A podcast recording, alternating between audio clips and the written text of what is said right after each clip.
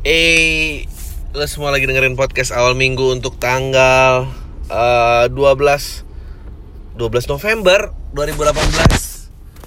Eh, gimana kabarnya semua? I hope that Ah, nggak tahu gue hope apa ya. Em, 6 bulan lagi menuju pilpres.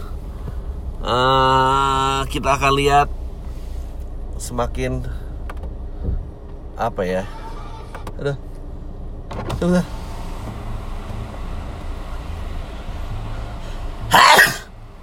sorry. Eh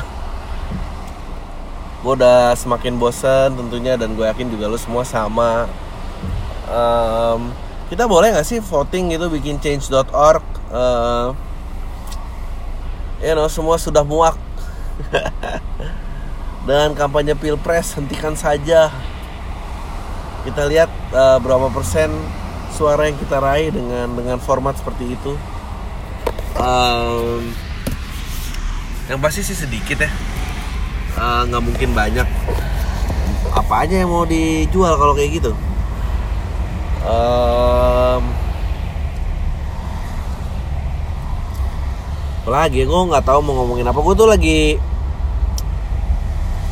mikirin tentang generasi kalian kemarin gue sangat gue sangat amat penasaran.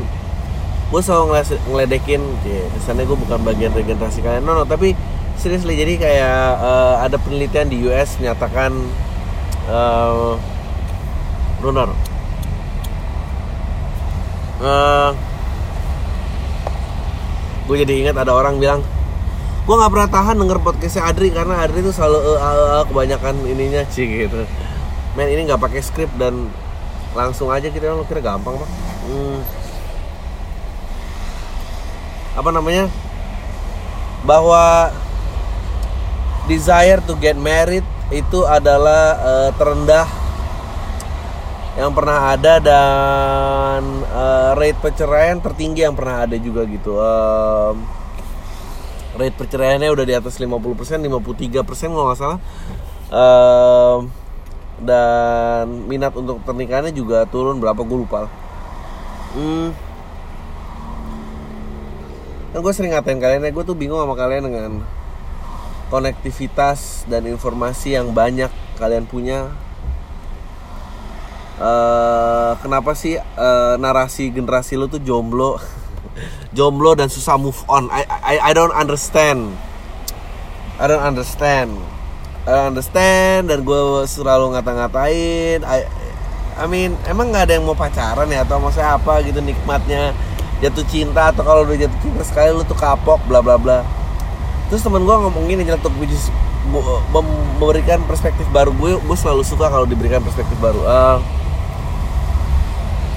maaf ya kalau berisik karena gue nger- eh, ngerekamnya di mobil sambil ngerokok buka jendela. Eh, perspektifnya dia bilang gini jangan bung. Lo nggak boleh ngomong gitu karena generasi sekarang itu adalah generasi yang paling menolak apa yang orang apa yang generasi break sebelumnya telah set up. Eh, bentuk perlawanan gitu kan memang selalu ada di dalam setiap generasi gitu pada saat baby boomers lahir. Eh, hippies itu menolak hmm, perperangan eh progresi manusia mesti dilakukan gitu pada saat musuh bersamanya sudah hancur. Manusia harus mencapai titik baru dan tapi eh, perjuangan itu kan tertutup bahwa karena dilawan lagi generasi sesudahnya which is hey look all this hippie shit no doesn't work man. Kerja tuh eh, kapitalis ngu- ngumpulin uang em, build an empire bla bla bla. And then lo melakukan perubahan dari sana gitu gitu gitu ya profesionalisme pun berjalan. Nah habis itu generasi itulah yang menghancurkan dunia sampai sekarang. Eh mengakibatkan glo ya global warming mungkin udah lama kali ini tapi ya karena keserakahan itu kan greed kan baru ada di situ kan the the Wall Street era gitu. Uh, child labor lah uh, apa namanya istilahnya what do you call it? Uh, apa bebas tuh? Bukan transaksi bebas bukan bebas narkoba uh, free trade free trade pertukaran bebas. Nah terus generasi lah jangan-jangan jangan-jangan kenapa ada kaitannya dengan minat menikah yang rendah dan minat menikah rendah dan dan susahnya uh, dan uh, rate perceraian yang sangat tinggi. Terus narasi mudanya sekarang uh, jomblo dan susah move on. Jangan-jangan kalian itu adalah itu adalah satu hal yang akan kalian tentang bahwa uh, dibalikin gitu uh, kalian mungkin generasi yang akan paling mendekati hippie kembali akhirnya it's it's, it's a full circle gitu. Um, mungkin kalian memang gue sih gue sih percaya ya bahwa kan pernikahan itu kan juga baru ada konsep pernikahan yang sesuai dengan cinta ya bukan dengan power bukan dengan kontrak kerja uh, bukan untuk keuntungan politik itu baru ada mungkin 100 tahun terakhir gitu. Uh,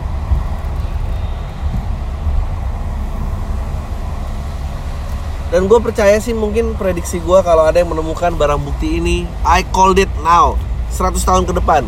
Institusi kebudayaan manusia yang paling banyak akan mengalami perubahan adalah pernikahan. Um, mungkin karena konektivitas uh, mungkin orang dulu kenapa marriage-nya works itu karena mereka nggak punya pilihan, mereka tidak punya koneksi seperti yang kalian punya. Uh, mereka tidak tidak mengutamakan happiness. Nah, kalian kan benderanya nih happiness. Apakah Adri baru bilang marriage itu bukan uh, sumber dari kebahagiaan? Gue nggak bilang gitu. Gue cuma mau bilang bahwa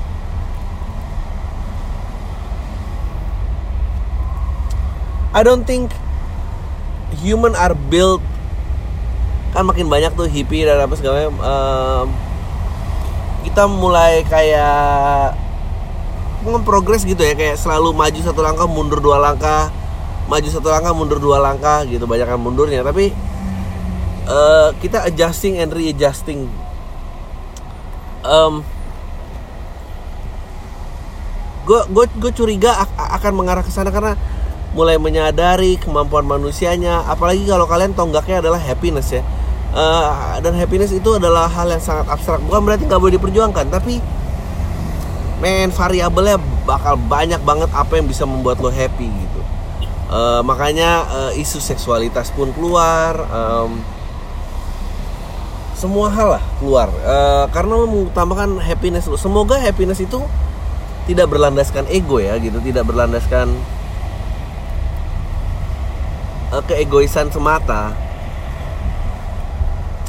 Dan gue believe kalau emang uh, karena karena nggak mungkin mundur tentang tentang tentang happiness itu. Maksudnya tentang uh, how human itu stay true to their feelings gitu. Dan kemajuan zaman akan akan terus mengizinkan itu.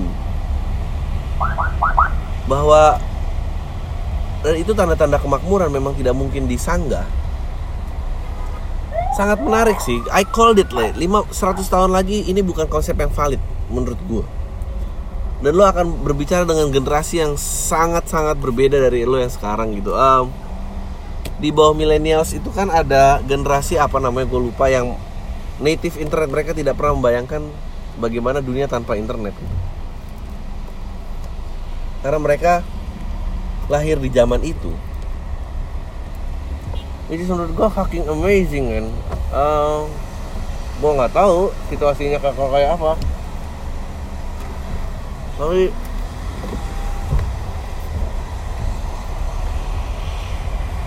tapi gue gue gue percaya dengan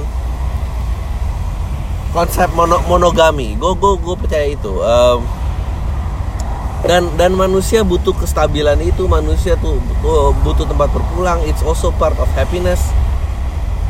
I just I, I just don't think forever is the key forever is the element yang manusia bisa janjikan gitu. Um, itu mindsetnya akan shift sekali di situ. Dan udah mulai banyak kan? Film-film atau karya seni yang menarasikan you know second chance in life. Um, ya ya perubahan memang akan selalu mengerikan tapi um, ya yeah, I don't know apakah itu bisa for the betterment? I also don't know like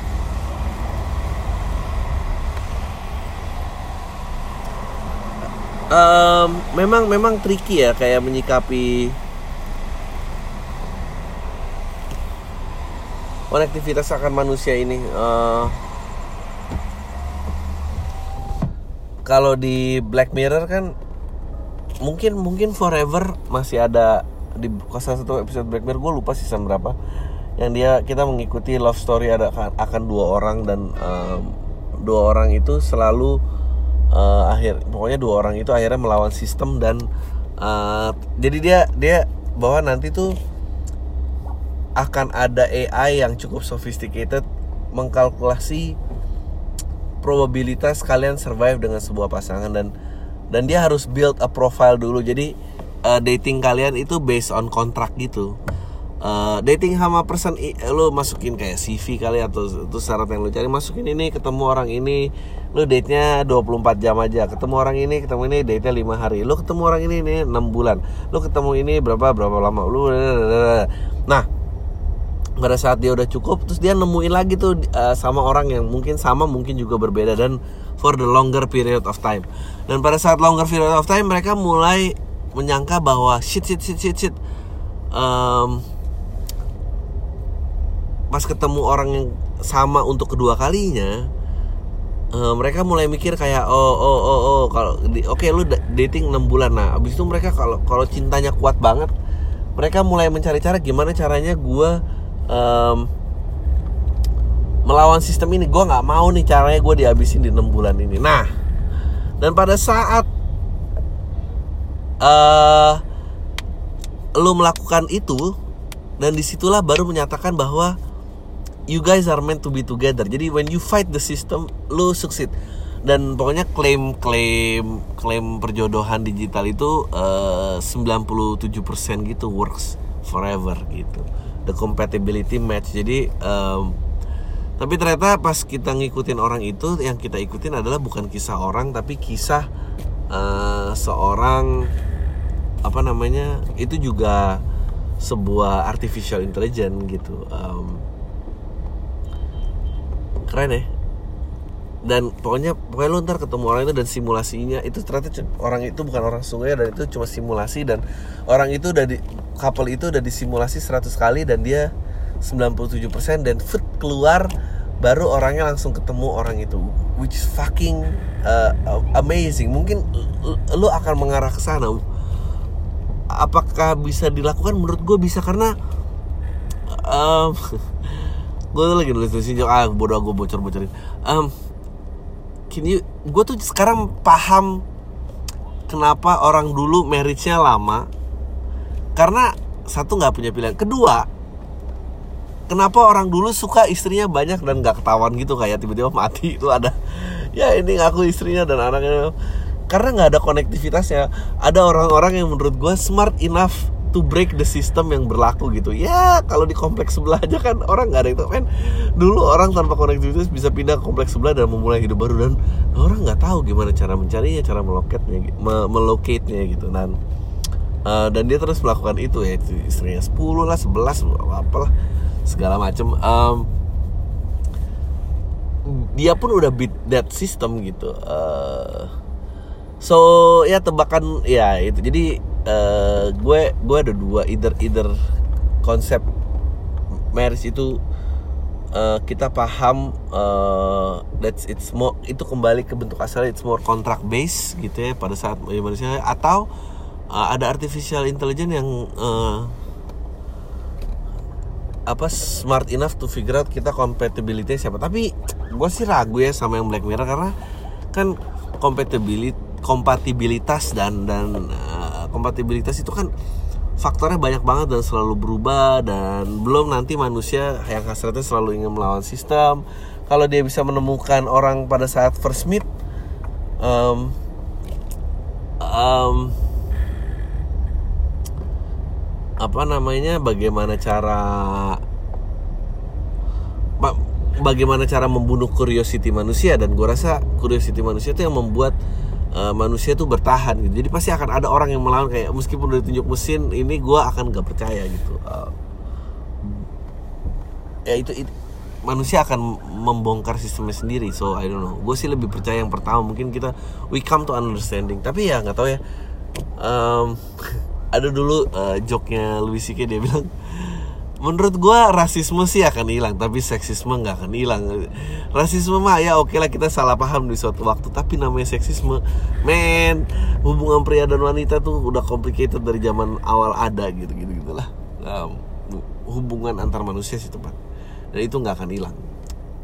Which is which is fucking interesting. Dan satu lagi yang yang yang yang um, gue lupa gue baca di mana. Pokoknya uh, Korea Selatan. I think Korea. Melakukan operasi pertama uh, operasi berhasil yang pertama operasi pertama yang berhasil mengubah uh, cangkang rib cage kita. Orang membutuhkan apa? Uh, uh, dengan bahan yang kayak soft tapi strong tapi yet fleksibel karena lu uh, cangkang apa sih tulang rusuk. Gue tadi bilang apa rahim ya? Bukan bukan tulang rusuk dada. Rusuk dada uh, kita bikin uh, skeleton kita bukan um, endoskeleton kita bu, bu endo kan di dalam kan? Kalau exo di luar kan exoskeleton. Kayak kura-kura atau exoskeleton. Anyway. Uh, dan dan berhasil uh, dia menemukan bahan yang cocok diterima di badan manusia manusia bisa pakai uh, it's durable, it's light but durable gitu. Uh, kan susahnya nemuin itu gitu kan yang hebat dari tulang tulang itu kan density-nya uh, it's a perfect match between strong and flexible gitu. Not too soft, not too strong. Ya, dan ada ilmuwan yang bilang gue lupa ilmu dia tuh backgroundnya orang Jepang tapi dia kayak lama di Amerika apa dia sekarang udah orang Amerika Micak siapa lah itu dia bilang kalau ini implementasinya bagus gitu this could be uh, dia bilang this could be the end of fear jo. Um, end of fear bahwa uh, gue tahu dia pasti exaggerating. Tapi uh, gue nggak tahu ya makanya ini, ini menarik gitu uh, melihat nilai uh, nilai Buddhism atau Tao gitu yang yang sudah dibentuk uh, ratusan tahun dan masih dilakukan sampai sekarang orang memutuskan sekali belajar tentang kepasrahan, letting go, uh, be one with the universe dan keluar dari siklus of first teaching of of Buddha itu kan um, the world is a tragedy gitu. So uh, kalau lo ingin having said that adalah pada saat lo menjadi orang tua gitu ya dan membesarkan generasi berikutnya you don't shield them gitu. Lo nggak melindungi mereka.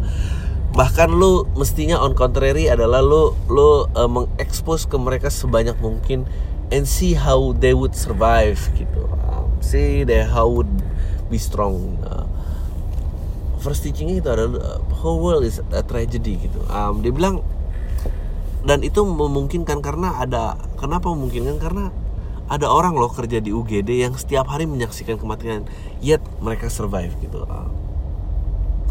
dengan kepasrahan mereka survive. Dan orang-orang ini menurut gua sudah ada dari zaman batu dahulu kala bahwa yang perlu lawan tuh adalah fearless sendiri. The world works the way it works gitu. Um, yet abis itu um, ada orang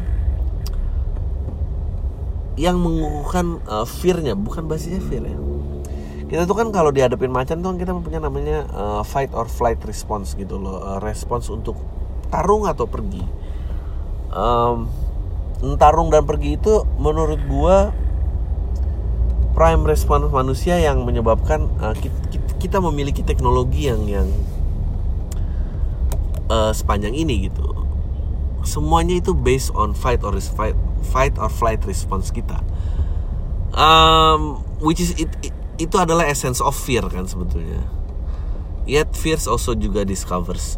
Nah pada saat si ilmuwan itu bilang bahwa that could be the end of fear gitu um, gue tuh penasaran nilai apa yang akan nanti berdiri pada akhirnya. Karena menurut gue nggak tahu ya uh, karena menurut gue we haven't figure out how to beat death gitu um, uh, dan itu kan takdir yang pasti ya bahwa kematian itu adalah takdir yang pasti. Dan uh, menurut gue manusia zaman dulu uh, lebih baik karena keterbatasan teknologi dan menurut gue uh, lebih fulfilled dan less stressful gitu. Karena uh, tidak ada yang bisa mengakomodir fearnya. Yang mereka bisa lakukan hanya hanya bisa untuk berpasrah to let go. Uh, and then to hate that cycle of life which itu temuan yang membawakan kita antibiotik dan apa dan segala macam. Um, tapi ada kebijaksanaan dalam itu bahwa gue tuh ngelihat apa sih dulu tuh film horor yang Hereditary.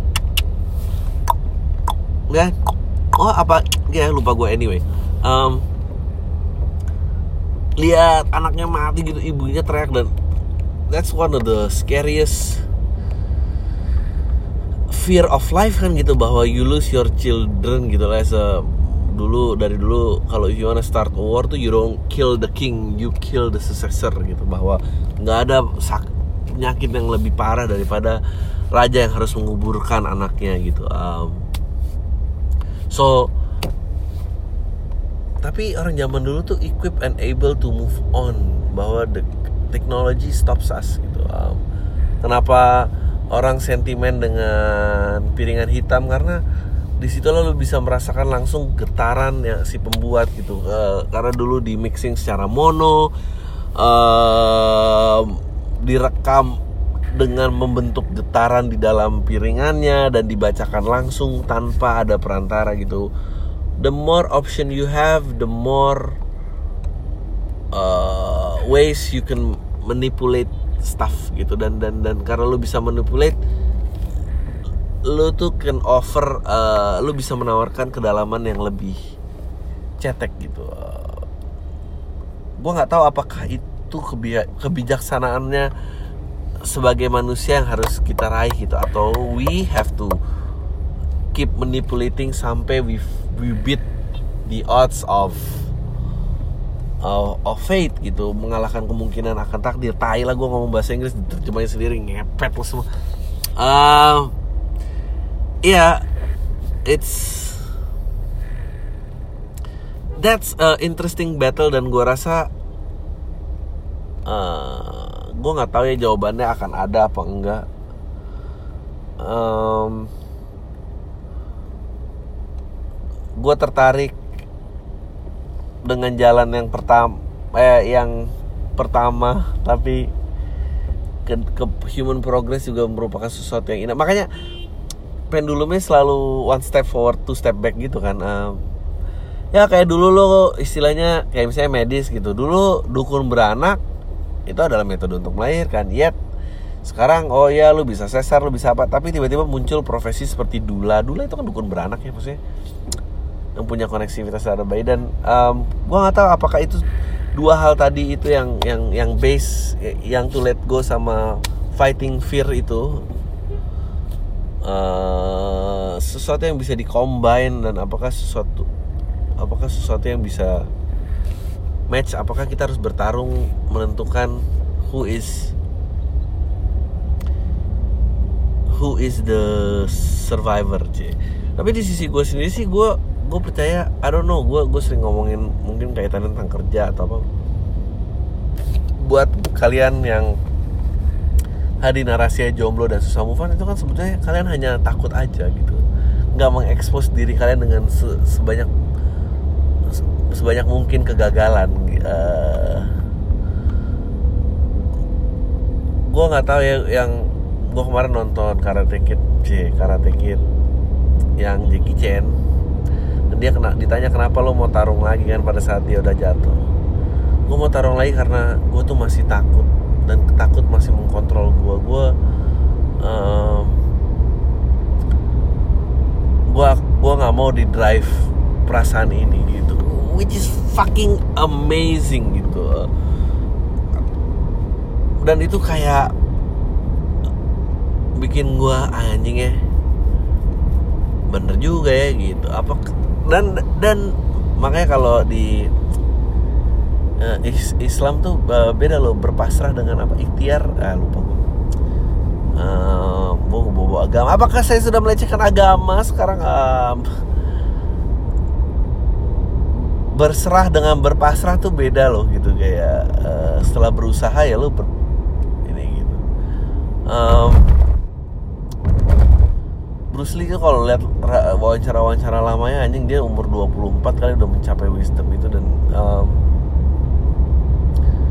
gue sih nggak peduli ya sebetulnya uh, manusia tuh mau sampai mana tapi yang gue kesel adalah kalau jalur hidup gue selalu ditentukan oleh takut dan dan um, gue tidak bisa terbelenggu gue terbelenggu perasaan itu uh, gue tak mampu bergerak karena ada dikungkung ekspektasi orang. Gue tak mampu bergerak karena uh, dituntut keberhasilan. Gue tidak mampu maksudnya all that those are all fears gitu uh. makanya tak ya orang-orang yang akhirnya believe Buddhism tahu dan apa dan mengingkari itu semua karena they need to rediscover and be truly truly um, happy gitu. Dan gue nggak tahu apakah uh, happinessnya itu bisa di uh, dicapai dengan jalur yang satu lagi konektivitas dan dan eh, ya gitu. Could be the end of year bahwa kita we figure out everything. Really? Gitu kok. Kayaknya manusia sombong amat ya cie gitu. Um, ah motherfucker lah gue jadi salah deh. Ah aduh aduh aduh, aduh. Ah udahlah uh, let's read the questions uh, uh, gua akan pause I'll be back soon Oke, okay, here's with the question. Aduh, sebetulnya ini udah direkam kemarin tapi um, karena ada yang ke delete jadi gua harus bacain ulang. Uh, terus udah gitu kepotong tamu lagi sekarang pertanyaan banyak banget. Hah. Mana nih? Oke. Okay. Hmm. Hai Kak Adriano, hmm, sebenarnya udah lama dengan podcast minggu di Spotify tapi akhirnya mikir-mikir dan mikir terus-terusan. Akhirnya memberanikan diri untuk email dan cerita setelah terinspirasi banget tentang episode yang postiner dan ibu-ibu Yakult. Dan I've been in relationship if that's a real one for about two or three years karena nggak ada status tapi sedekat itu. Dan baru intens lagi memang di tahun ini aku bertanya dia tentang aku dan dia jawab uh, dan akan bagaimana? Dan dia jawab nantilah itu. Udah dua, dua kali aku tanyain dan emang mungkin momennya nggak pas atau aku kurang paham. Aku, aku cuma pengen tahu sih as a guy what do you think about him? I think he's an asshole uh, maksudnya emang you don't know him tapi ya udah dua tahun tiga tahun mah ya gimana dong? Dua tahun tiga tahun tuh sejauh apa sih Ci? Kita kalau hanya gandengan tangan sih uh, uh, nggak tahu ya uh, apa harus aku tunggu dia ngomong atau aku tinggalin? Menurut gue sih tinggalin aja. Oh, menurut gue sih lu tes keluar sama cowok lain terus dia gimana? Terus dia bilang ya kamu juga nggak pernah ada kejelasan terus buat apa? Gitu lo aja lah. Um, oke. Okay. halo gue pasti jadi pendengar setia lo nih abis uh, by the way tengah jawaban email abis udah. Setelah sampai kesimpulan pengen tanya apakah lu suka baca atau dengar-dengar teori tentang konspirasi gitu ya bang? Atau lu percaya sama teori-teori konspirasi? Ah seneng ada beberapa yang gue suka kayak yang disebut di Zeitgeist gue suka. Uh, tentang pendaratan bulan gue nggak terlalu suka tapi gue banyak kayak um, Confession of Economy Attainment gue suka. Oke. Okay. ini pertama kali gue pendengar cukup lama gue pertama kali email lo jadi gini ceritanya. Beberapa hari lalu seorang cewek yang gue gak kenal tiba-tiba ngechat via line. Gue lihat foto profilnya sih yang menurut gue cantik karena dia katanya dia ada kontak gue di lainnya singkat cerita kita cecetan dan lumayan asik. Akhirnya gue skeptis kalau ini cewek beneran. Karena pikiran gue ini too good to be true. Tapi besoknya mau cecetan lagi. Dia minta gue telepon bang. Minta ternyata dia sih beneran cewek asli. Gue bingung sih bang harus seperti apa berekspektasi. Ya nggak perlu berekspektasi apa apa ya. Diajakin ketemu aja bang menurut abang pada range umur berapa kita perlu harus realistis dan pada range umur berapa kita nggak perlu realistis sama alasannya anjing uh, kalau lu tanya sih menurut gue masih 20 sampai 30-an tuh jangan mencari sukses. Berarti itu apa? Berarti itu nggak realistis ya. Yaudah lu jangan realistis di umur 20 sampai 30. Eh, tiga lima ya tiga puluhan boleh lah res tapi even that aja kadang-kadang juga. Pokoknya intinya dalam hidup yang gak lo coba tuh lo akan penasaran nanti. Udah gitu aja. You cannot skip life. Jadi bang Adri kalau lo jadi McGregor pas bacot lawan gimmick pas lawan Habib yang kehilangan prime anjing udah basi banget ya. Uh, setelah pay per view-nya lebih banyak dibeli orang. Secara kami memang jago bertarung tapi nggak semua ngejual sampai McGregor yang bikin gimmick biar partai banyak yang nonton. McGregor kalah sih tapi ternyata doi kami cuma dapat 3 juta dolar. Plus 50 juta dolar sedangkan Khabib yang menang cuma dapat 2 juta. Ya itulah. That's why I don't like marketing karena doesn't favor the winner. Oke. Okay. Nah ini umumnya kalau pas keluar bareng cewek entah teman atau gebetan kita bayar apa dibayarin sih? Oh, bayar sendiri sendiri pas lagi makan atau nonton. Malu nanya sama teman sendiri dikira perhitungan banget tapi kalau gue mahasiswa ya cuma ngandelin kiriman ya gue tapi kalau doi bayarin kok kayak nggak enak aja. Ya bilang aja bayar sendiri sendiri gue persepsi gue ya. Terus misalnya kalau kita mau coba bayar sendiri sendiri aku, gimana coba awkward banget? Bilang aja lah cuma keluar doang kan temen kan. Ah. gue cowok 27 tahun pengen pendapat mendengar podcast lo di hari akhir 2017 mau pertanyaan tentang tentang quarter life quarter life crisis kali bukan quarter life syndrome. Jadi tahun lalu gue baru pindah tempat kerja dari sebelumnya programmer di startup ke staff IT salah satu pekerjaan itu gue kepikiran untuk pindah. Kalau merasa terlalu nyaman sama kerjaannya dan lu lumayan dipercaya ngeliat satu tim. Pengen nyobain corporate life walaupun secara gaji nggak ada peningkatan yang signifikan. Terus gue mulai gak nyaman di kantor yang sekarang birokrasinya berbelit dan arahan atasan yang sering nggak konsisten ditambah industri yang ternyata lagi decline. Untung teman kerja asik-asik dan alhamdulillah juga ini masih bisa nyalurin passion programming dengan ngerjain side project jadi nggak terlalu stres walaupun nggak selalu ada juga Menurut bang, better be small cog in a big machine atau ambil opportunity di perusahaan kecil. Ada saran nggak bang gimana cara nemuin kita yang mau jadi apa secara umur gue udah telat banget. Enggak lah umur lu nggak telat banget lu masih muda. Uh, menurut gue lo harus coba dua-duanya sih ikan besar di kolam kecil atau ikan besar eh ikan besar di kolam kecil atau ikan kecil di kolam besar lo harus nyobain sih gue sih udah pernah juga dua-duanya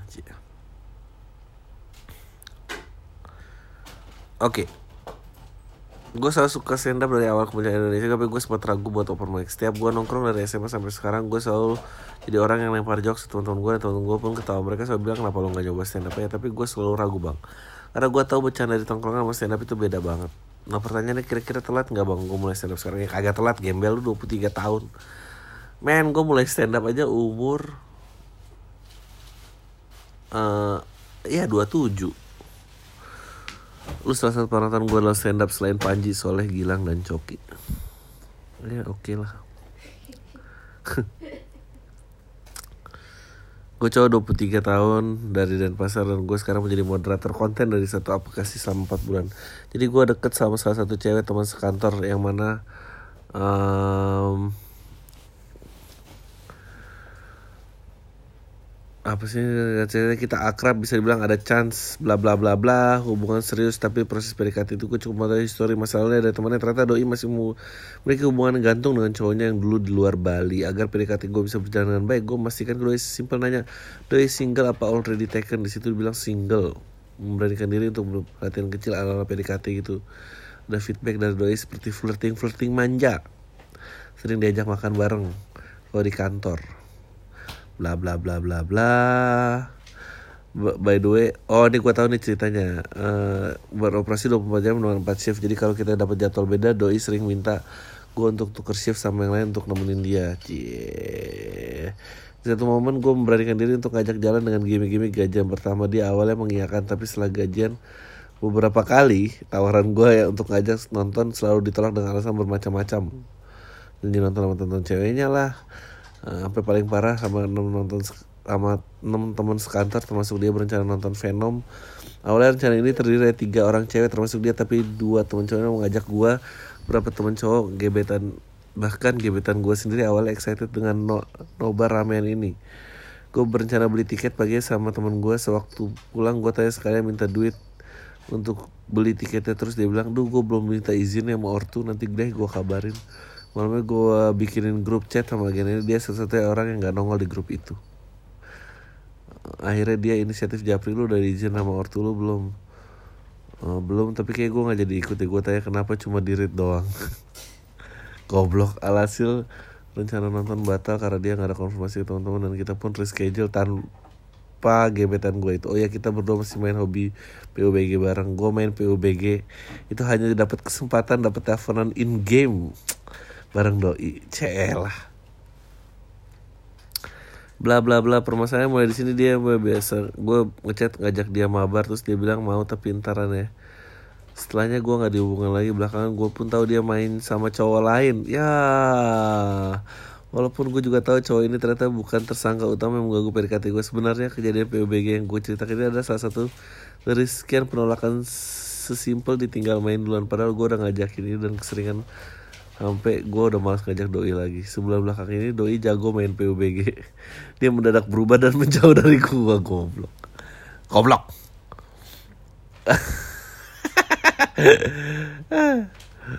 Um, chat sama nyokapnya gue bilang kalau semisal ada yang lamar kamu kamu lepas kuliah nggak masalah.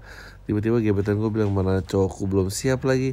Ada juga cowok yang lebih tiga tahun lebih tua mau datang lamar ke rumah jeger-jeger atau halilintar di situ gue cukup shock. Kok kabarnya dia pacaran sampai nggak kecium begini. Di situ gue coba berkata oh baru ya pacarnya dia bilang. Enggak kok udah lama. Alias tai kucing gue ngerasa dibohongin.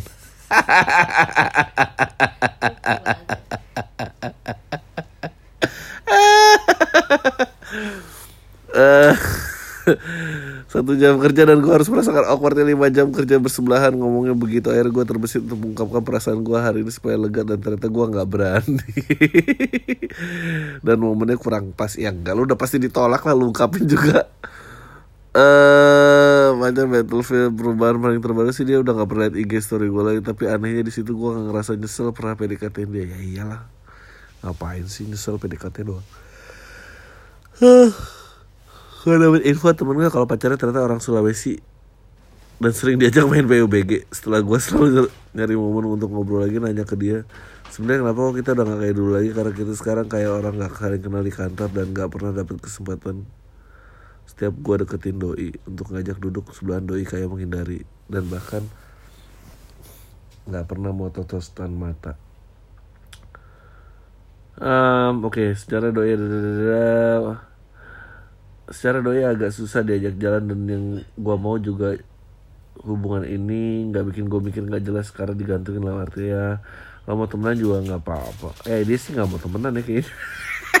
Kalau dia nggak mau gue juga nggak apa-apa at least gue pengen denger maunya supaya dia tak ya dia maunya nggak malu sih.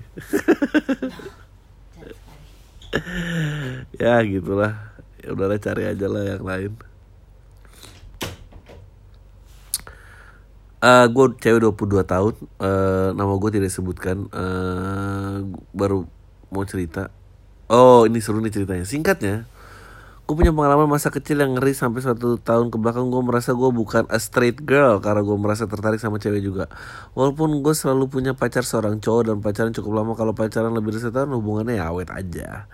Sekarang gue mulai merasa tidak nyaman sama otak gue Yang sering merasa tertarik sama cewek dan gue terhitung orang yang asik banget dan mudah akrab bikin gue gampang deket sama cewek lainnya. Dan temen cowok gue tergolong sedikit itu pun cuma anak kelas. Hal terparah yang gue alamin adalah gue pernah mencari satu komunitas lesbian supaya buat fun dan menjalin hubungan. Tapi hal itu gak pernah berhasil karena puji Tuhan ibadah gue masih gue lakuin. Tapi kadang pikiran itu selalu datang lagi nah gue perlu saran lo gimana gue bisa mengubah pandangan gue supaya gue bisa benar-benar sembuh dan gak bisex lagi. Ya walaupun gue nggak sampai ada hubungan sama cewek cuma tertarik doang tapi gue udah nggak di tahap nggak nyaman sama otak ini. Um, uh, I I I gue nggak tahu ya kalau itu consider uh, disease apa bukan. Um, apa namanya? Uh, dan kalau lo nggak nyaman um, gue nggak tahu gimana cara ngubah karena itu gue rasa itu emang preferensi lo aja gitu dan gimana ya ngomongnya? Um, I think you need to figure out and I think you need to talk to someone dari komunitasnya gitu yang punya perspektif cukup netral apalagi psikolog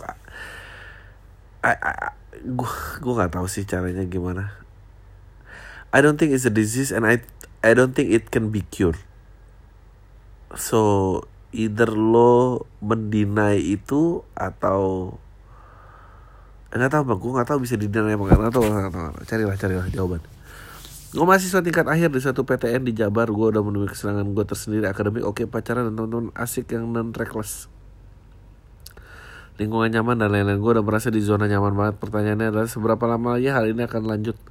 Apakah dunia kerja nanti mabok tiap minggu masih teman-teman masih wajar? Wajar.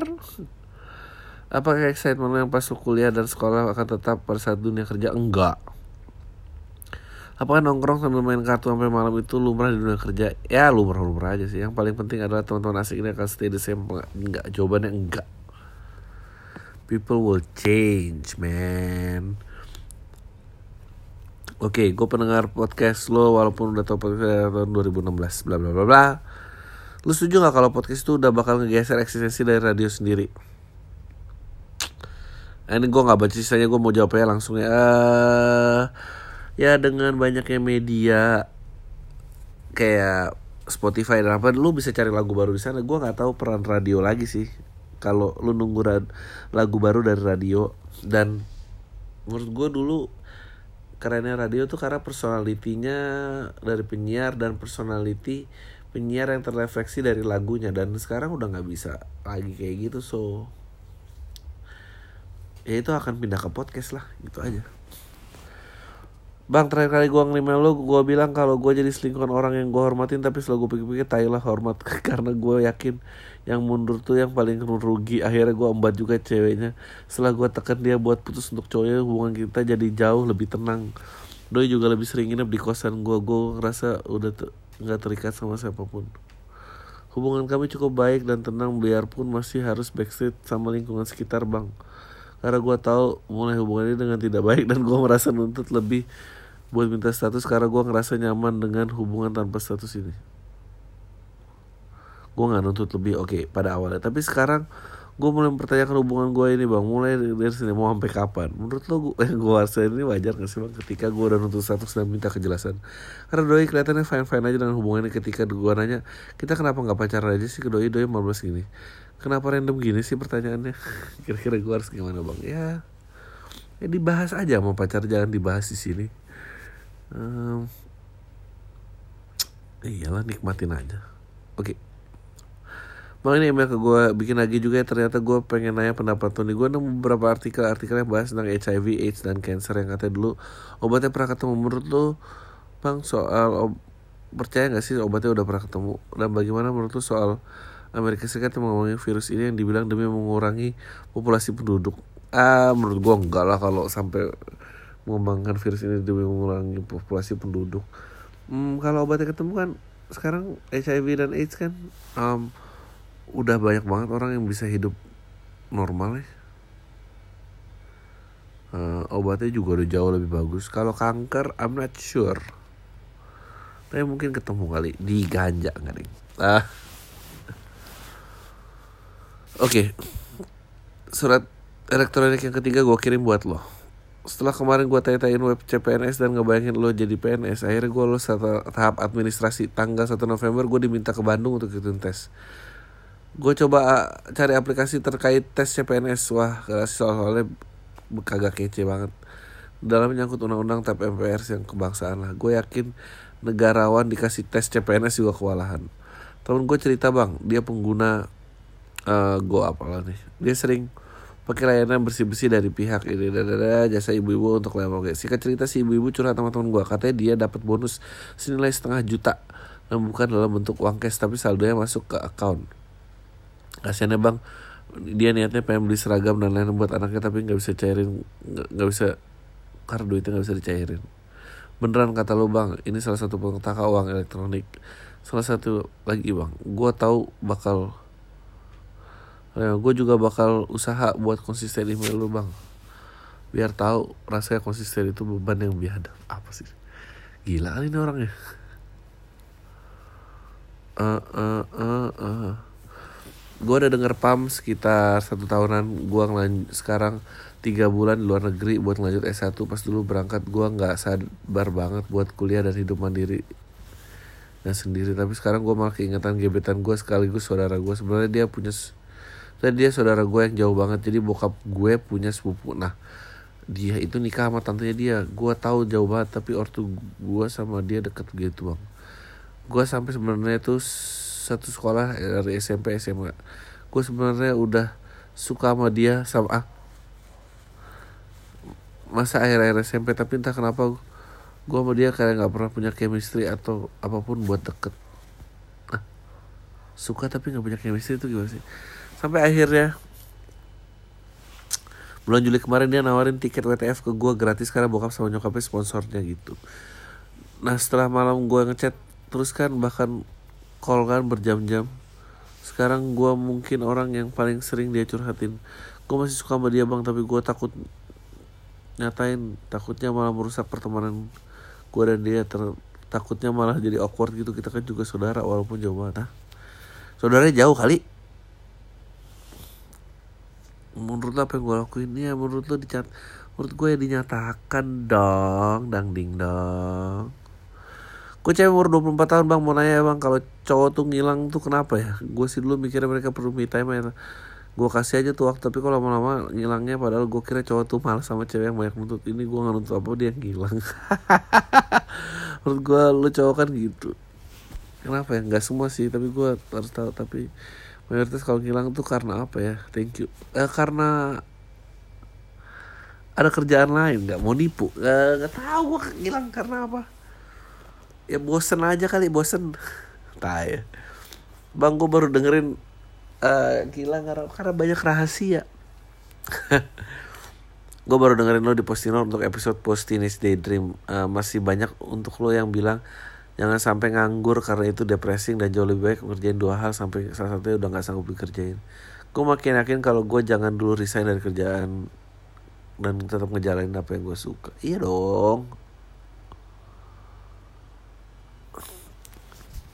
oke. Okay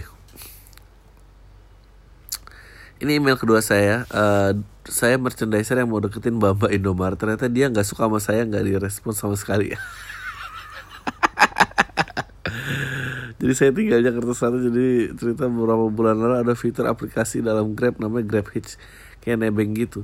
Ternyata ada yang searah ke kantor saya ke SCBD setelah fitur aplikasi itu dihapus sama Grab saya masih keep kontak sama Mbak yang nebeng saya itu. Sampai sekarang dan sering bareng Mbaknya ini cakep banget bang. Foto profilnya ganti-ganti. Dia suka traveling luar negeri. Saya mau deketin jadi jiper.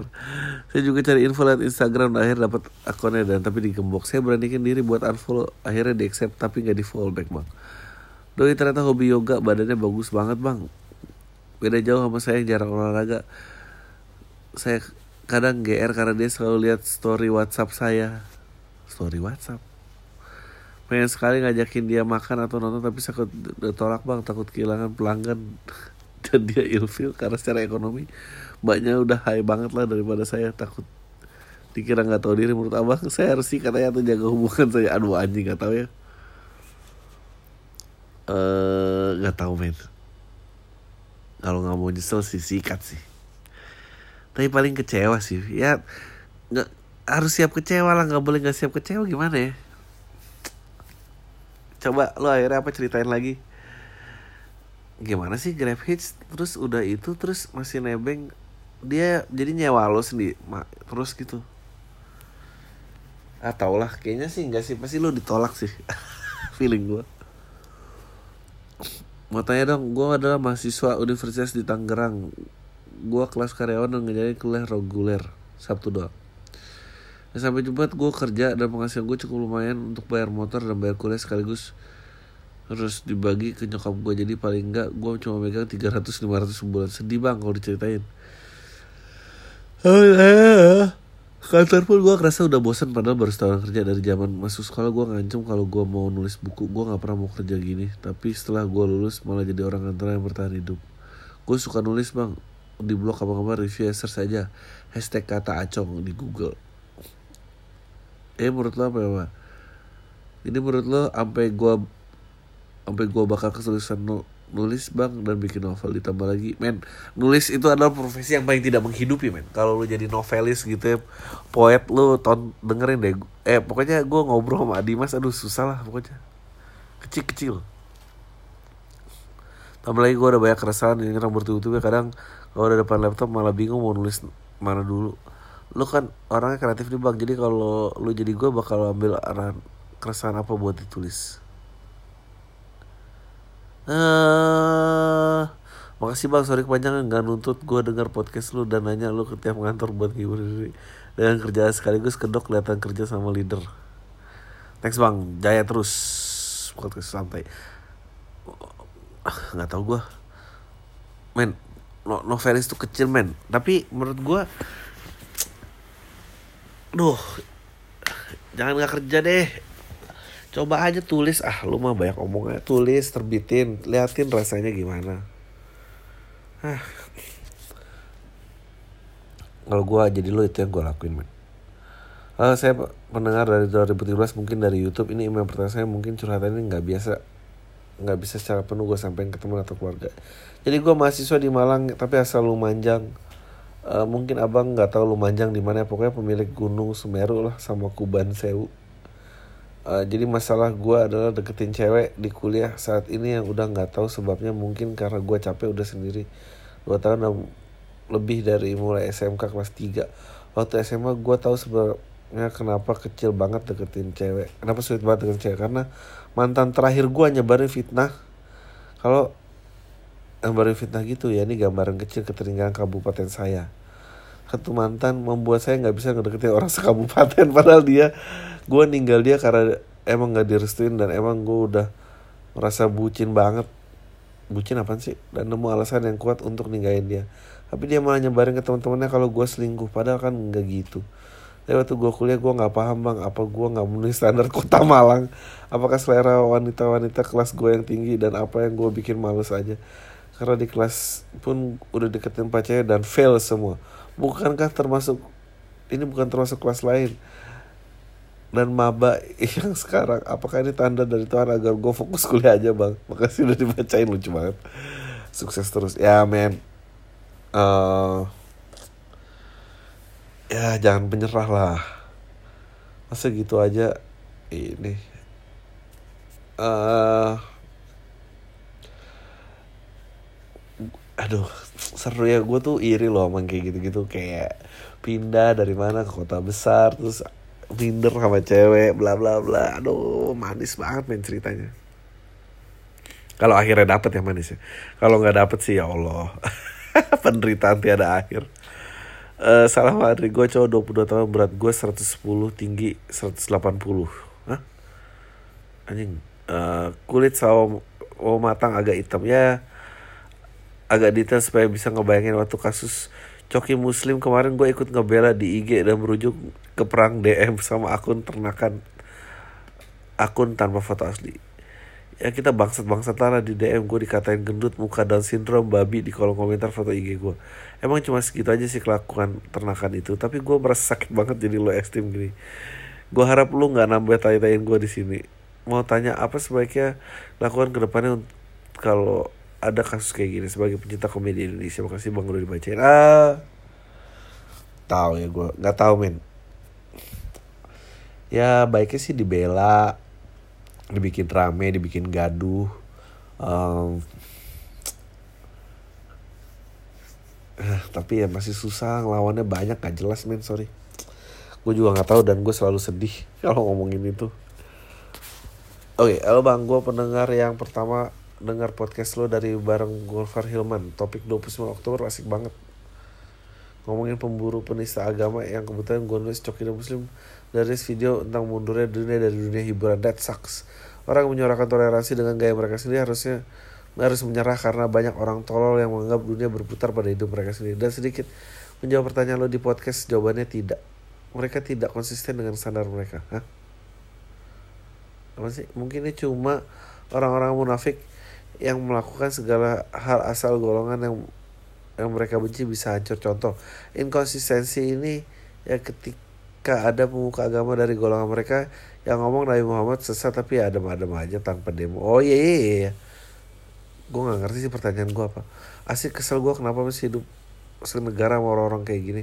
Mereka nggak berkuasa aja hidup terkek hidup terasa terkekang. Mau nyampein unek-unek di twitter aja mikir-mikir karena bisa diendus golongan mereka ini sorry lah ini malah Ima jadi ngoceh kagak jelas. Soalnya bukan orang mainnya yang galau nggak bisa deketin cewek. Peace. Gayanya. Oke. Okay. Bang gue udah suka sama temen kuliah gue udah tiga tahun. Anjing lah. Gue bingung sih kalau kerasa suka sama orang tiga tahun tuh gimana sih ceritanya? Gue emang pernah ditolak bang sama dia Tapi gue pikir dia emang gak suka sama gue tapi hari ini gue sering cerita sama temennya dan gue tahu kenapa dia gak mau pacaran padahal yang deketin udah banyak ternyata dia takut pacarnya nanti nggak bisa nerima dia. Hah? gue pengen jelasin bang kalau gue beneran serius dan gue ngerasa kalau cowok udah nunggu tiga tahun kayaknya nggak ada yang nggak serius di CL menurut lo bagaimana bang cara ngejelasin apa harus gue tampilin jujur bang gue agak ragu bang mau deketin dia lagi. Ya jangan ragu dong. Katanya serius gitu aja. Takut. Duh capek ya banyak ya pertanyaannya. Uh, bang curhat dikit nih. Awal kuliah gue kenal sama cewek namanya oh, gak usah sebut nama lagu. Ada kelas gue sendiri salah satu satu sekolah dulu dia tuh susah move on dari mantan yang tiga tahun pacaran. Gue usaha bang sampai satu tahun bikin dia lupa mantannya. Sampai dia lulus SMA gue mau nembak tapi dia ngindar mulu. Kita tetap hubungan masih deket sampai dia ngikutin gue kuliah sama di Bandung. Biar deket sama gue mungkin gue juga kegeeran sih. Gue temuin tiba-tiba eh dia jadi nama cowok sangkatan gue anjing emang dari situ gue mikir ah gue kurang apa gitu ya sampai dia nggak mau gue tapi cowoknya sama gue masih mending gue lah mukanya tai. Tapi sampai dia pacaran itu kadang dia masih hubungan gitu cuma nggak seintens dulu. Gue udah niat mau nungguin dia. Selama setahun gue udah nungguin dia gue capek setahun nungguin dia. Akhirnya gue deket satu cewek namanya oke. Okay soalnya gue udah nggak ada harapan sama doi.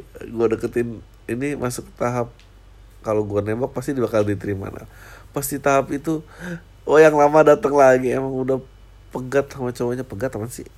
Gue emang dasarnya masih ada rasa sama dia. Ya udah gue layarin lagi di situ. Gue bimbang yang mana gue putusin buat nembak yang baru. Oke. Dan setelah gue jadian sebelum ultah gue nah gue masih belum bisa show off kalau gue udah pacaran sama yang baru. Pas gue ulta gue baru show off.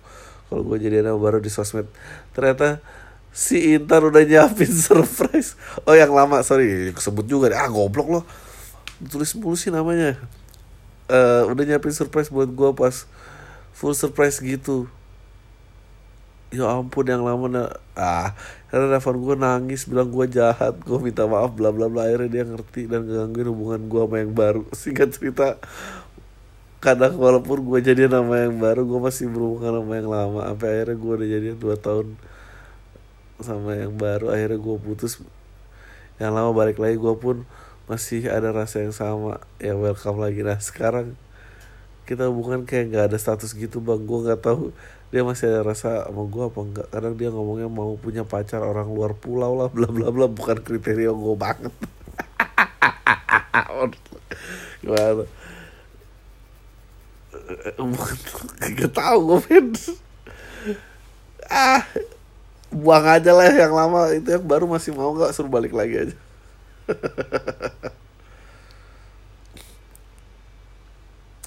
Uh, bang, menurut lu di era industri 4.0 yang ngomongin bakal robot AI dan Internet of Things bakal terjadi nggak? Terjadi lah. Masih lama, ya 20 tahun lagi lah. Soalnya Indomaret sama ATM aja mau diparkirin sebagai peluang pekerjaan apakah Jangan-jangan malah masa depan mending diciptain kubu manusia superhuman anti baper kuat fisik. Sedangkan kubu satu cerdas banget tapi lemah fisik. Di situ robot tampil sebagai jenis dari film Prometheus hadir lagi sebagai penengah keduanya dan mulai mulai tahun dengan aja dengan satu masehi lagi. Anjing lucu banget. Ah udah ya capek. Ini apa sih? Ah, oke ah udahlah. Udah ngantuk gua itu aja. Tayo semua deh